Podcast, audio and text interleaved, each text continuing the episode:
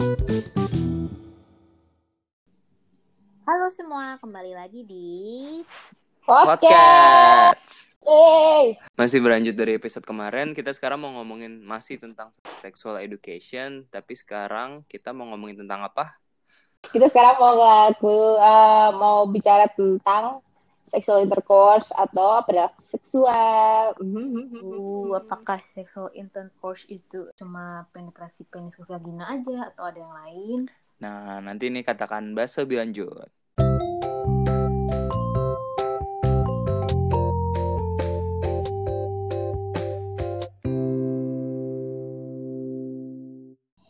Ya, jadi intercourse tuh sebenarnya nggak terbatas penis ke vagina ya, tapi juga ada anal sex, oral sex, kayak gitu-gitu.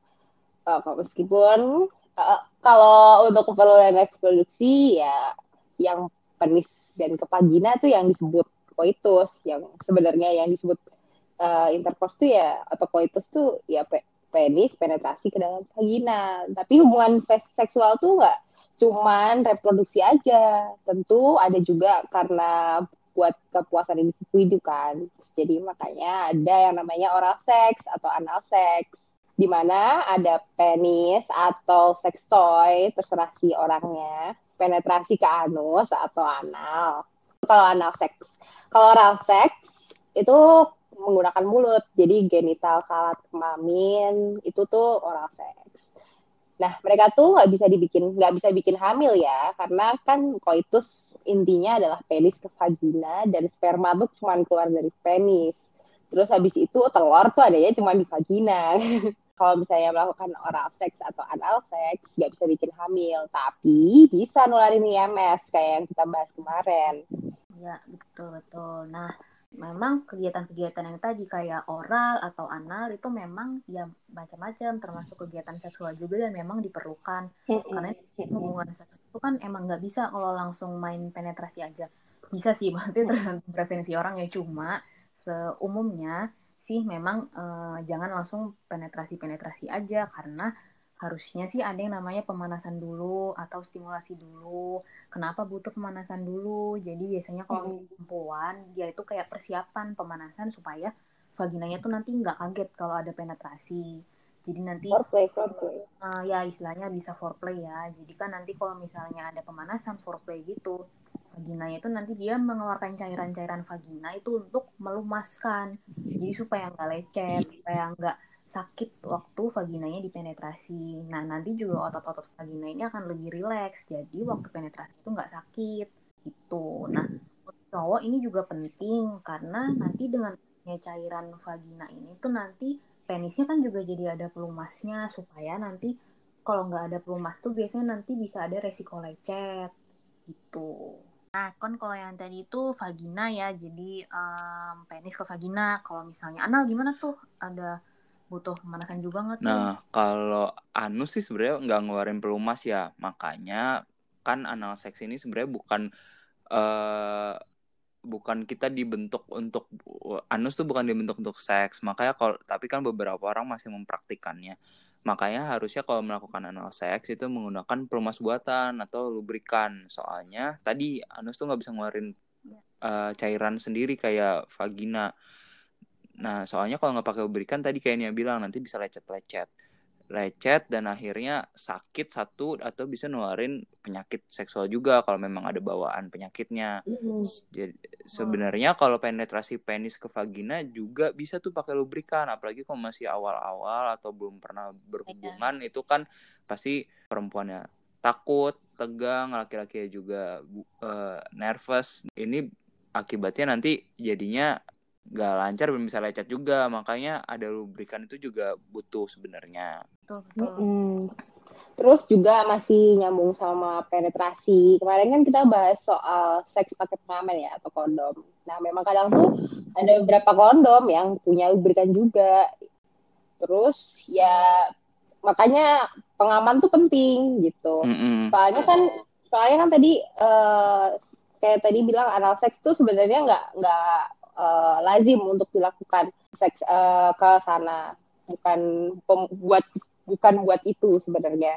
Cuma jadinya butuh pengaman untuk kalau mau masuk ke situ. Terus habis itu kalau misalnya uh, untuk mencegah IMS juga kayak yang kemarin kita bilang itu juga penting juga kalau misalnya koitus biasa. Gitu. Iya, apalagi kalau anus kan tadi itu ya bu, nggak nggak bisa meregang kayak vagina gitulah, nggak bisa iya, pasti iya. lebih gampang lecet, makanya lebih gampang menularkan iya, penyakit sebenarnya. Mm -mm. Dan itu kan mm -mm. kumannya beda yang ada di anus sama di vagina. Mm -mm. Jadi kuman tuh penting banget. Jadi kita bukannya bilang nggak boleh apa gimana cuma lebih butuh precaution lebih aja gitu kali ya. Mm -hmm. karena kan strukturnya beda jadi harus siap pakai uh, lubrikan pelumas mm -hmm. terus sama kan tadi juga uh, untuk yang kualitas biasa yang penetrasi biasa kan memang harus ada awalnya kayak foreplaynya untuk uh, lebih terangsang lebih siap-siap. Uh, terangsang lebih siap vaginanya gitu kan kalau misalnya anal seks itu tuh juga perlu persiapan selain hmm. kayak uh, yang menerima itu harus pertama menjaga higienitas analnya hmm.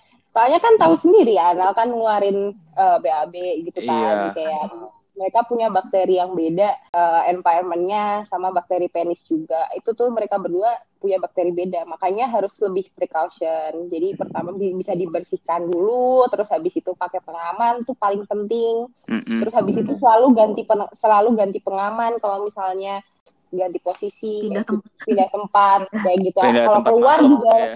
uh, kalau keluar juga itu. Soalnya beda bakteri kan kayak kemarin kita bilang itu. Gitu. Nah ini kan masih uh, masih ada hubungannya sama yang sempat kita bahas di awal-awal ya. Mm-hmm. Ini kan kalau bisa kita lihat dari penjelasan kita tadi, emang namanya hubungan seks tuh nggak bisa langsung kayak apa masuk masuk aja gitu nggak bisa. Emang harus ada awalan dulu. Sewajarnya tuh harusnya ada uh, pemanasan dulu, dulu dan segala macam. Makanya emang harus uh, sangat yakin dulu semua pihak kalau mau berhubungan karena ini nanti bisa sangat mempengaruhi di proses ke depannya kalau misalnya ada satu pihak yang masih takut, masih enggan, masih ragu, itu nanti bisa aja mungkin misal ceweknya yang masih takut, nah itu nanti bisa um, jadinya um, vaginanya lebih tegang, nggak nggak terlalu rileks, nanti malah jadi uh, lebih sakit kayak gitu. Jadi makanya memang kalau hubungan seks yang aman itu selain pakai pengaman juga yaitu tadi dua-duanya ya harus siap. Jadi supaya um, lebih lancar lebih lancar gitu kali ya prosesnya. Mm -hmm. meskipun uh, ini nggak cuma sekedar psikologis doang sih emang ada yang uh, memang ada kelainan fisik yang memang bisa bikin uh, seseorang tuh merasakan nyeri waktu berhubungan seksual ya. Nah kalau yang uh, kayak gini-gini sih biasanya memang harus periksa ke dokter gitu. Nah, ya intinya sih kita harus menghargai pasangan kita ya siapa pun itu udah menikah atau pacaran masih pacaran bukan berarti kita bisa seenaknya minta berhubungan seksual terus baik lakinya atau perempuannya. Nah, harus perhatiin kondisi pasangannya juga lagi capek atau lagi stres lagi mood yang nggak enak jangan dimain paksa juga. Soalnya tadi bisa nggak nyaman buat perempuannya atau penerimanya bisa nggak nyaman juga buat yang penetrasi karena eh, bisa hmm. tadi tegang nggak siap ujung-ujungnya juga akan sakit untuk penisnya juga gitu bisa lecet nularin penyakit juga bisa. Penisnya juga bisa lecet nggak cuma vagina yang bisa lecet atau anus. Nah.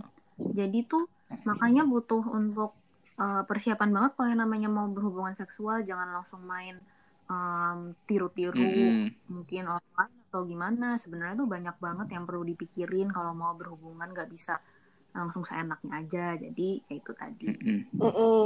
tapi ini disclaimer dulu ya kita tuh nggak kita nggak menyarankan apa namanya kalian uh, untuk melakukan perilaku seks tapi uh, kalau misalnya kan masing-masing orang berbeda mungkin interestnya juga berbeda.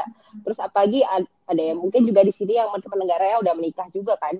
Uh, jadi memang itu suatu kebutuhan. Jadi uh, kita sini mau niatnya juga mau edukasi uh, perilaku seksual itu sebenarnya yang benar apa yang yang terjadi itu kayak gimana yang terjadi kayak gimana terus dan baiknya seperti apa Ayah. supaya mencegah dari eh, hal-hal uh, yang tidak diinginkan gitu biar kalian bisa pikir-pikir lagi mungkin kalau nanti masih mempertimbangkan uh -uh. gitu Nah, tadi kan uh, kita ngomongin hubungan seksual fisik yang langsung ya. Tapi tuh zaman sekarang juga ada uh, aktivitas seksual tuh yang nggak mesti fisik. Uh, mengingat seba, apa-apa serba online sekarang, social distancing dan segala macam. Uh, kayaknya ada ada outlet yang sekarang lagi uh, hip-hipnya ada yang yang bisa dari uh, video call, sharing foto atau video porno, itu kan semua bisa dilakukan secara online. online. Mm, semuanya udah lengkap. Kita aja sekarang bikin podcast juga online, meskipun kita bukan podcast semua, tapi iya, habisnya kemarin tuh banyak juga yang ngira kita bikin podcast kok bisa bareng-bareng, padahal kan lagi nggak boleh ketemuan tuh. Terus awal-awal bikin hmm. juga si Nia kan masih di Gresik, kok bisa ketemu, kok bisa bikin podcast bareng. Sekarang sih gampang banget sebenarnya karena kan lagi zaman online semua, jadi lebih praktis. Kalau kita bikin podcast ini kita pakai aplikasi namanya Anchor. Anchor. Iya, Anchor. Anchor ini tuh emang aplikasi yang buat bikin podcast. Jadi tuh hanya dengan satu aplikasi ini tuh udah bisa buat semuanya, -hmm. mulai dari recording. Recordingnya tuh bisa bareng teman, makanya kita sekarang nih bisa bareng-bareng meskipun kita nggak di satu tempat yang sama. Hmm. Kalau udah selesai record, ngeditnya di sini juga bisa. Terus sampai nanti dia juga yang akan mendistribusikan atau mempublikasikan ke platform-platform lain selain si Anchor sendiri. Kita nge-share-nya di Spotify sama Apple. di Apple. Semua yang sharein sebenarnya si Anchor-nya ini kita tinggal klik di anchornya aja. Oh, gitu. Jadi all in. Ini tuh gampang banget aplikasinya di apa namanya dioperasiin. Terus habis itu simple. Terus gak perlu pakai uh, device aneh-aneh. Terus semuanya tuh gratis. Yang penting bisa di download ya. aplikasinya di App Store atau Google Play Store buat Android. Jadi cuma pakai HP kalian aja berberapa terserah buat podcast hmm. bareng-bareng. Kalau misalnya yang mau iseng-iseng tuh bisa langsung download Anchor sih. Kayak kita sekarang kan juga semuanya pada pakai HP doang, nggak pakai apa-apa. Mm -hmm. Nggak perlu pakai kayak Deddy Kobuser make make canggih gitu. ya, uh. Iya, iya ini gue pakai headset tahun 2017 yang udah mau rusak juga.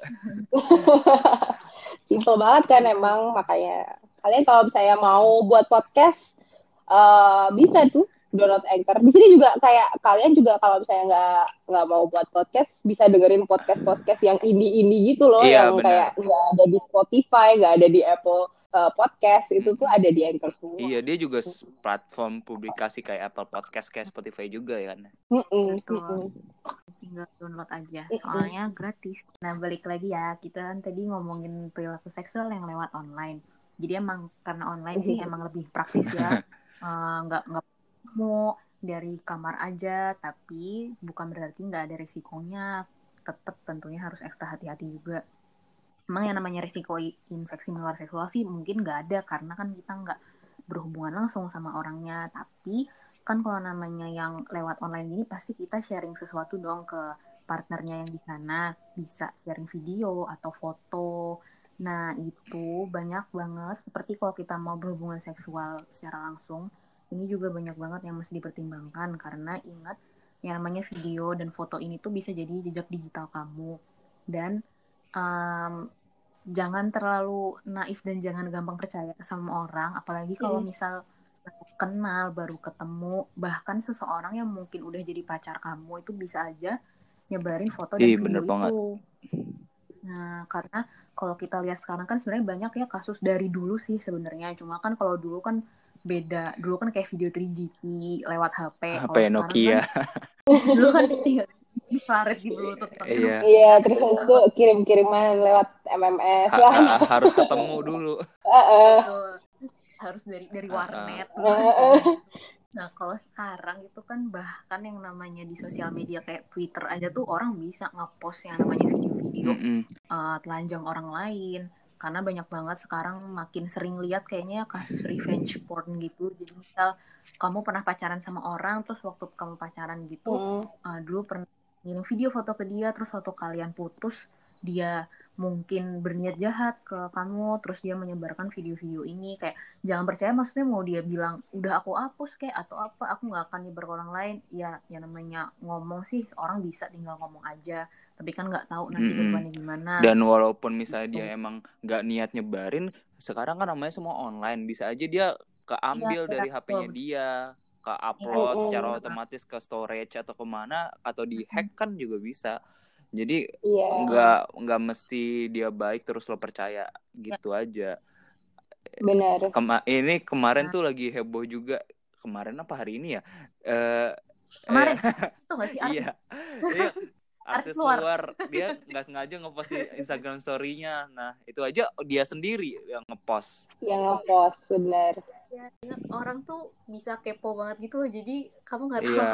Mm-mm, mm-mm. apalagi nih sekarang dikit-dikit di spill dikit-dikit di spill Ah, iya iya iya serem sih jadi em, mungkin ya kalau memang memutuskan untuk sharing foto atau video pastiin kalau orang lihat videonya tuh orang nggak tahu itu kamu Mm-mm. Mm-mm. jadi pernah ngeliatin muka kalau misalnya nge-share foto atau video kalau misal ntar ada orang yang eh ini video ini ya tinggal bilang aja ih mana buktinya orang nggak ada muka aku kok Maksudnya kayak gitu kalau misal ada mukamu kan ya udah wassalamualaikum kan terus ternyata ada tai lalat Kayak itu tahu nih gue ini punya punya siapa gitu ya. intinya Tapi jangan intinya kalau mau video call gitu eh, jangan. intinya kalau mau video call gitu ya super ekstra hati-hati sih gue sih nggak bakal berani sih iya. heeh. Tapi masalahnya masing-masing individu juga sih ya. Iya. Kalau misalnya memang memang kalian memang eh, suka di share, suka mungkin punya lapak di suatu OnlyFans. website porno atau eh, OnlyFans atau Pornhub gitu punya lapak ya udah nggak apa-apa terserah itu kan Yang penting kalian sendiri ya. Tapi konse- eh, yang penting tahu konsekuensinya benar. ini kita mungkin lebih ke kasus-kasus misal uh, pacaran terus diminta pacarnya buat nge-share gitu kali ya. Iya. lebih spesifik. Lebih spesifik kayak gitu sih yang kayak eh eh pap pap dong pap.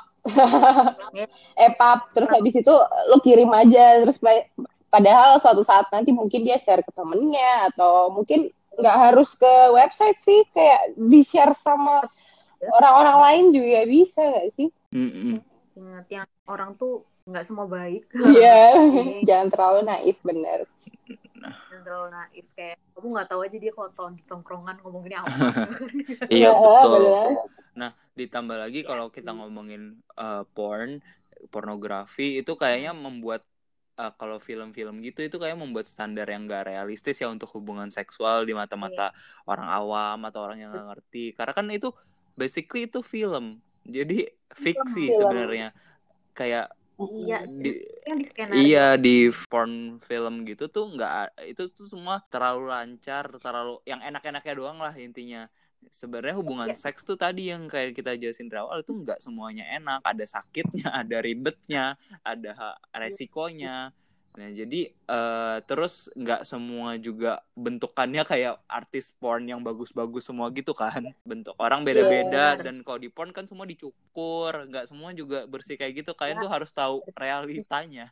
tuh yang Iya. namanya seperti yang namanya kalau film itu pemainan artis artis itu merawat diri ya seperti para bintang film porno ini juga mereka merawat diri dong gitu. Makanya tapi nggak semua orang kayak gitu. Jadi gimana sih jangan ja, terlalu- eh, jangan terlalu terpatok ke sana Uh-uh. gitu. Dan kalau kalian bilang kok artis porno pada nggak pakai kondom, ya satu kan itu un- untuk hiburan ya untuk film. Dan dua kan mereka juga Hmm. dites rutin ke, ke- kesehatan IMS-nya juga Iya, iya. dites berulang-ulang. Jadi itu bukan excuse kalian untuk nggak pakai Oh, pengaman. benar. Kalau industri pornnya bagus dan memang beberapa industri porn tuh memang ada yang bagus ya para artisnya ini memang dites secara rutin. Mm-mm, terjaga mereka. Juga semuanya kayak gitu tapi ya. idealnya sih kayak gitu ya. Terus habis itu kan emang ya ini kembali lagi video porno tuh cuman adegan guys. I- eh, kayak ilusi. seperti itu tuh ilusi adalah ilusi. Jadi kayak kayak misalnya bayangin. ada ada skenario "Ah, nggak mau nggak mau nggak mau nggak mau berhubungan. Terus habis itu dipaksa dipaksa dengan kekerasan terus tiba-tiba mau. Terus itu enggak ya di kehidupan nyata nggak gitu ya tolong. Kalau pasangannya nggak mau ya jangan dipaksa. Kayak kemarin kita ngomongin konsen konsen is important. Mm-mm. ya ya. Kalau di kehidupan nyata lo maksa anak orang ya itu mah namanya jatuhnya pemerkosaan. Jadi, pemerkosaan bener jangan disamain sama film porno. Kayak kadang mikirnya ah ini mah jual mahal doang awalnya ntar juga kalau dibujukin mau. Uh enggak enggak. Kalau kalau nggak mau ya enggak gitu. Ya eh, kalau nggak mau ya enggak. Kalau sakitnya sakit. Terus habis itu juga mm, bentukannya semua orang tuh nggak kayak gitu. Tolong. Betul betul. Eh, kalau orang bilang sakit tuh memang sakit. Jangan bayangin kalau di film kayak uh, pemeran pemerannya bilang tapi sakit, enak kan? Enak kan? Ya enggak sakit bro. Gitu ya. Rio kalau aslinya kalau misal pasangan kamu bilang sakit itu berarti mungkin dia emang beneran kesakitan. Harus apa namanya emang beneran sakit ya jangan dilanjutin berhenti Mm-mm. dulu pas dia nggak apa-apa. Ada juga kalau misalnya kalian udah pacaran atau udah nikah biasa tuh kalau yang udah actively seksual mereka tuh pakai namanya safe word. Jadi kayak kalau misalnya Hmm. beneran sakit biar pasangan no percaya itu pakai safe Iya, word. iya, iya. misalnya ya ya klepon klepon. Nah, itu Eh, klepon, klepon. berhenti. oh ini beneran sakit ya Eh, ini bukan eh. bukan bagian dari foreplay bukan drama. Iya iya Mm-mm. bener, iya terus habis itu konsen tuh in di in every step of the way ya. Nggak Iya. cuman kayak pada awalnya eh yuk gitu kan. Mau nggak? Iya. Kalau kalau misalnya ganti posisi atau melakukan apa kayak gitu ka- kamu tuh harus juga konsen "Ih, aku gini ya gini ya gitu. Nah, Iya. itu penting. Betul betul. Bisa aja kan misal uh, udah foreplay segala macam ternyata waktu mau penetrasi eh kok ada satu pihak yang kayak kok aku jadi takut ya? Ya udah jangan dipaksa kalau kayak gitu berarti. Terus kembali lagi yang tadi uh, video porno itu tuh ya memang memang harus di umur yang tepat ya yang orang-orang menonton. Jadi kayak uh, mungkin anak-anak itu harusnya nggak nggak nonton ini karena dia akan membangun memang. Bukan Ah, mungkin. maksudnya ya iya benar-benar emang nggak nggak boleh gitu loh. Jadi kalian kalau misalnya mungkin sih ada yang di bawah umur atau eh, ada tahu siapa yang pernah membagikan dengan temannya gitu yang di bawah umur tolong semua udah mulai nonton kayaknya waktu masih di bawah umur iya makanya kan itu tolong dicegah soalnya mereka tuh apa mentalnya belum bisa untuk ke sana terus habis itu nanti eh, persepsinya terhadap eh, seks seks Iya, itu iya. tuh kayak berbeda gitu Mm-mm. makanya itu lah perlu sex education. Makanya nanti kalau eh, contohnya awalnya dari bokep ya di pinggirnya semua selancar itu dan semua seindah itu pada tidak hahaha. Jadi tuh iyo eh, kalau tadi kan misal ngomongin em, ada safe word tadi ya memang eh, kadang ada orang-orang yang senang eh, misal dalam kegiatan seksual mereka misalnya melibatkan eh, yang eh, agresif atau misal lebih kasar atau lebih em, bukan gak normal Bukan ya? nggak kayak oh biasanya nih itu kan kalau kayak gitu tuh memang ada preferensi seksual tertentu atau uh, kecenderungan-kecenderungan ke yang mungkin bukan yang sewajarnya bukan bukan sih kayak "Oh, ini nggak biasa nih. Jadi bisa juga disebut fetish ya. Mungkin kalau memang yang suka yang kasar atau suka yang disakitin kayak gitu itu ada yang namanya maso masokis ya. Kalau itu sih memang berarti dia menikmati. Tapi nggak semua orang kayak gitu. Ini sih ini pun orang yang masokis itu juga tentunya dia um, um, bukan berarti sama semua orang dia mau kayak gitu. Biasanya kan memang udah ada partnernya sendiri ya nggak sih? Jadi nanti yang partnernya dia ini mungkin yang uh, suka kalau misal mendominasi. Jadi bisa juga dia seorang sadis sadis gitu.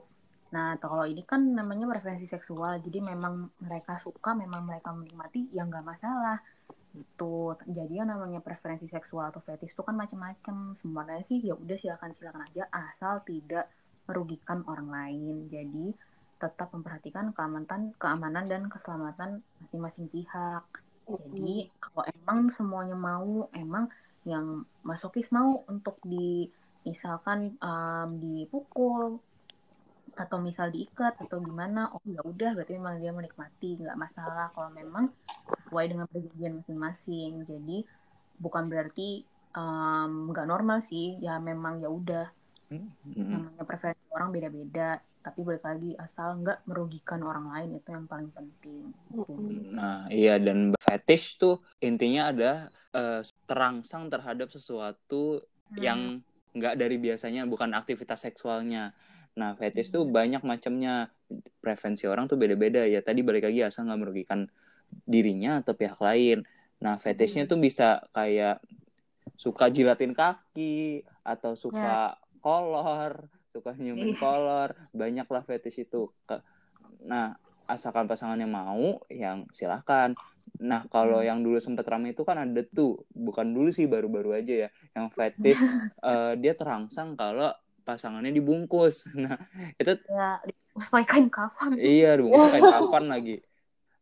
Nah, itu termasuk merugikan ya karena dia kan satu nggak ada konsen dia memanipulasi orang lain. orang-orang Heeh, Mm-mm. jadi penipuan jatuhnya. Terus habis itu eh, dia juga melecehkan orang tersebut. Ada beberapa korban yang dipegang-pegang tanpa persetujuan si korban. Benar. Nah, kalau dia punya pasangan terus pasangannya oke dibungkus ya silakan silakan aja ya sebenarnya. Hmm. Tapi kalau kayak gitu itu satu bukan pasangan dia, dua nggak ada konsen. dia bohong. Iya. Ya, udah salah banget. Mm-mm. Kalau dia lebih tekun mencari, mungkin dia akan menemukan seseorang yang menyukai dibungkus, tapi Iya. sayangnya dia tidak kayak Mbak Pocong. ya kalau misalnya fetish kayak preferensi seksualnya ya memang emang bisa harmful kalau misalnya eh, targetnya nggak memberi konsen atau tidak dengan persiapan matang gitu. Ingat lagi kayak kemarin bahasan kita konsen itu butuh eh, kesadaran penuh da- dan inform, inform consent, which is eh, inform apa yang akan dilakukan, resiko dan eh, keuntungan dan resikonya, terus secara sadar penuh setuju. Jadi kalau misalnya under anything eh, eh, di bawah manipulasi apa pun itu tuh udah nggak kon- konsennya udah nggak bener kalau misalnya beneran dikasih ya gitu. Mm-mm. Misalnya kayak apa namanya vet suka anak-anak di bawah Mayat. umur gitu, binatang, mayat itu mereka kan nggak bisa ko- konsen, nggak bisa beri konsen yang benar. Jadinya jatuhnya Benar. itu nggak boleh sebenarnya. Gitu. Mm-mm, betul. gitu makanya kayak kan yang apa namanya pedofil pedofil tuh kan dulu sempat ada yang kayak protes kenapa kita masih dimasukkan ke kelainan seksual sementara homoseksual dimasukkan ke orientasi. Ya jelas beda banget ya. Mm-mm. yang namanya pedofil tuh mereka kan anak kecil di bawah umur yang udah jelas mereka nggak bisa ngasih konsen mereka nggak ngerti apa-apa. Itu tuh sangat berbahaya. Jadi jangan Mm-mm. disamain sama yang namanya orientasi seksual. Beda banget. Ini masuknya memang nah seksual pedofil. Kayak sama apa namanya? Kalau yang sama binatang gue lupa. Zoofilia Iya, atau ke mayat, nekrofilia. maka nekrofilia kayak gitu-gitu kan pasangannya kan nggak bisa ngasih konsen itu bahaya nggak boleh Kan dia indigo. kecuali dia bisa meminta ke dimensi lain ke alam lain konsennya Atau udah buat will duluan gitu. Bet, kalau misalnya lo mati gue boleh nggak boleh. Anjir. Aduh. Tapi kan tentunya itu tidak mungkin jadi ya bahaya intinya Mm-mm. Jadi ya lagi-lagi semua kembali ke pribadi masing-masing, preferensinya eh, seksualnya apa yang diinginkan. Ada yang emang nggak mau pakai foreplay dulu, ya silahkan. Memang resikonya lebih tinggi. Intinya kalau emang pasangannya setuju, dianya juga setuju, dua-duanya oke, dua-duanya nyaman, ya udah silahkan tahu konsekuensinya apa silahkan. Makanya nggak segampang itu untuk yang namanya mau berhubungan seksual tuh sebenarnya banyak yang harus dipikirkan, dipertimbangkan nggak bisa ya sekedar eh ngewe yuk kayak gitu eh, nggak bisa bang jadi jangan bayangin semua tuh segampang itu Mm-mm. Nah, eh, mungkin kalau yang denger beberapa orang udah kayak ah ini mah kayak semua orang juga tahu, tapi enggak enggak semua orang tahu. Kayak bahkan kalau Hmm. kalian baca di internet pun banyak tuh yang nanya ke platform-platform kayak bukan bahkan kemarin temennya temen gue cerita ke gue kalau dia itu berhubungan seks sama cowoknya gara-gara itu kayak yang pernah heboh itu loh katanya cowoknya ada kelebihan sel darah putih makanya makanya dia mau untuk mengeluarkan spermanya itu biar dia nggak sakit itu ada itu Oh. real guys tuh kan itu namanya Oh my god, itu manipulasi. misinformasi banget parah. Eh, eh, dan itu temennya seumuran gua loh maksudnya kayak nggak semua orang tuh tahu nggak semua orang tuh dapat privilege buat dapat edukasi kayak kita terus Betul. ada juga yang nanya kalau oral seks bisa hamil apa enggak kan spermanya ditelan nah Hmm. itu banyak Nah, banget itu yang banyak nanya. banget sih, masih banyak yang menanyakan seperti itu.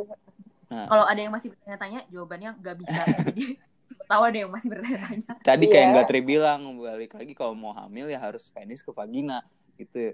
Mm-mm. Intinya itulah kayak kita harus aware sama keputusan kita, sama resiko kita, harus ta- Hmm. cari tahu info lebih lanjut ke sumber yang benar. Kayak ya benar kalau cewek-cewek cowok-cowok cewek itu cowok cewek cowok cewek Masih Ya, gimana sih? Coba aja. nanya ke platform-platform kayak halo dokter, halo dok ya itu wajar dong. Maksudnya jangan diketawain, mereka bener nanya ke situ daripada nanya ke temennya yang mesum. Iya bener. Terus malah dijawab yang aneh kayak sel darah putih itu harus Iya. dikeluarkan lewat kayak gitu ya. Itu kan nggak bener banget kan. Mm-mm. saya udah paling bener tanya ke platform telemedicine kayak gitu karena kan yang jawab ya dokter Iya. berpengetahuan jadi ya ya udah sih emang udah paling bener kayak gitu Mm-mm. Dan selain tahu resiko konsekuensinya, kalau kamu berhubungan seksual untuk kepuasan diri, yaitu nam- uh, harus ngelihat uh, pasangan kalian juga ya. Maksudnya pasangan kalian itu manusia bukan objek, jadi intinya harus ada konsen. Iya. betul. kemarin tuh kayak kemarin tuh habis ngeliat di Twitter biasa kayak masih masih meributkan yang masalah pemerkosaan dalam pernikahan gitu loh kayak biasa ada yang komen masa kalau misalnya gue udah nikah terus gue lagi pengen uh, berhubungan tapi istri gue nggak mau ujung-ujungnya gue hitungannya merkosa ada masih ada yang komen kayak gitu kan terus kayak ada yang balas iya kalau kayak gitu kan berarti uh, mas cuma ngelihat istri mas sebagai objek doang. Terus dia ngebalas lagi loh di bagian mana saya bilang kalau saya cuma ngeliat istri sebagai objek? Ya dengan lo Dengan- ngomong kalau nggak peduli sama kemauan pasangan lo nggak Iya. peduli sama keadaan pasangan lo ya berarti lo cuma ngeliat dia sebagai barang bukan sebagai seorang manusia yang punya perasaan. Mm-mm. tuh Memang penting banget sih emang konsen itu. Memang per- apa namanya kalau misalnya punya uh, walaupun sudah menikah kayak gitu kan memang per, uh, perkosaan dalam pernikahan kan juga bisa. orang maksudnya kayak cerita-cerita kayak istrinya baru habis melahirkan baru berapa lama udah dipaksa berhubungan lagi kan juga banyak cerita kayak gitu Mm-mm, Kan padahal bahaya. itu uh, masih apa waktu yang belum aman untuk uh, populasi kayak gitu. iya Mm-mm. Ya itu deh. Jadi uh, kalau misalnya uh, punya preferensi seksual apa pun itu sebenarnya nggak usah malu, Uh, bisa dilakukan oleh pa- sama pasangannya. Tapi ya itu tadi harus dengan persiapan dan komunikasi dari inform konsen, uh, ya persiapan higienitas diri, terus habis itu uh, tahu resikonya. Jadi uh, harus dengan komunikasi yang baik sih kayak gitu. Oke, segitu dulu kali ya. Sampai ketemu lagi minggu depan dengan kayaknya masih dengan seputar kesehatan seksual lagi sih.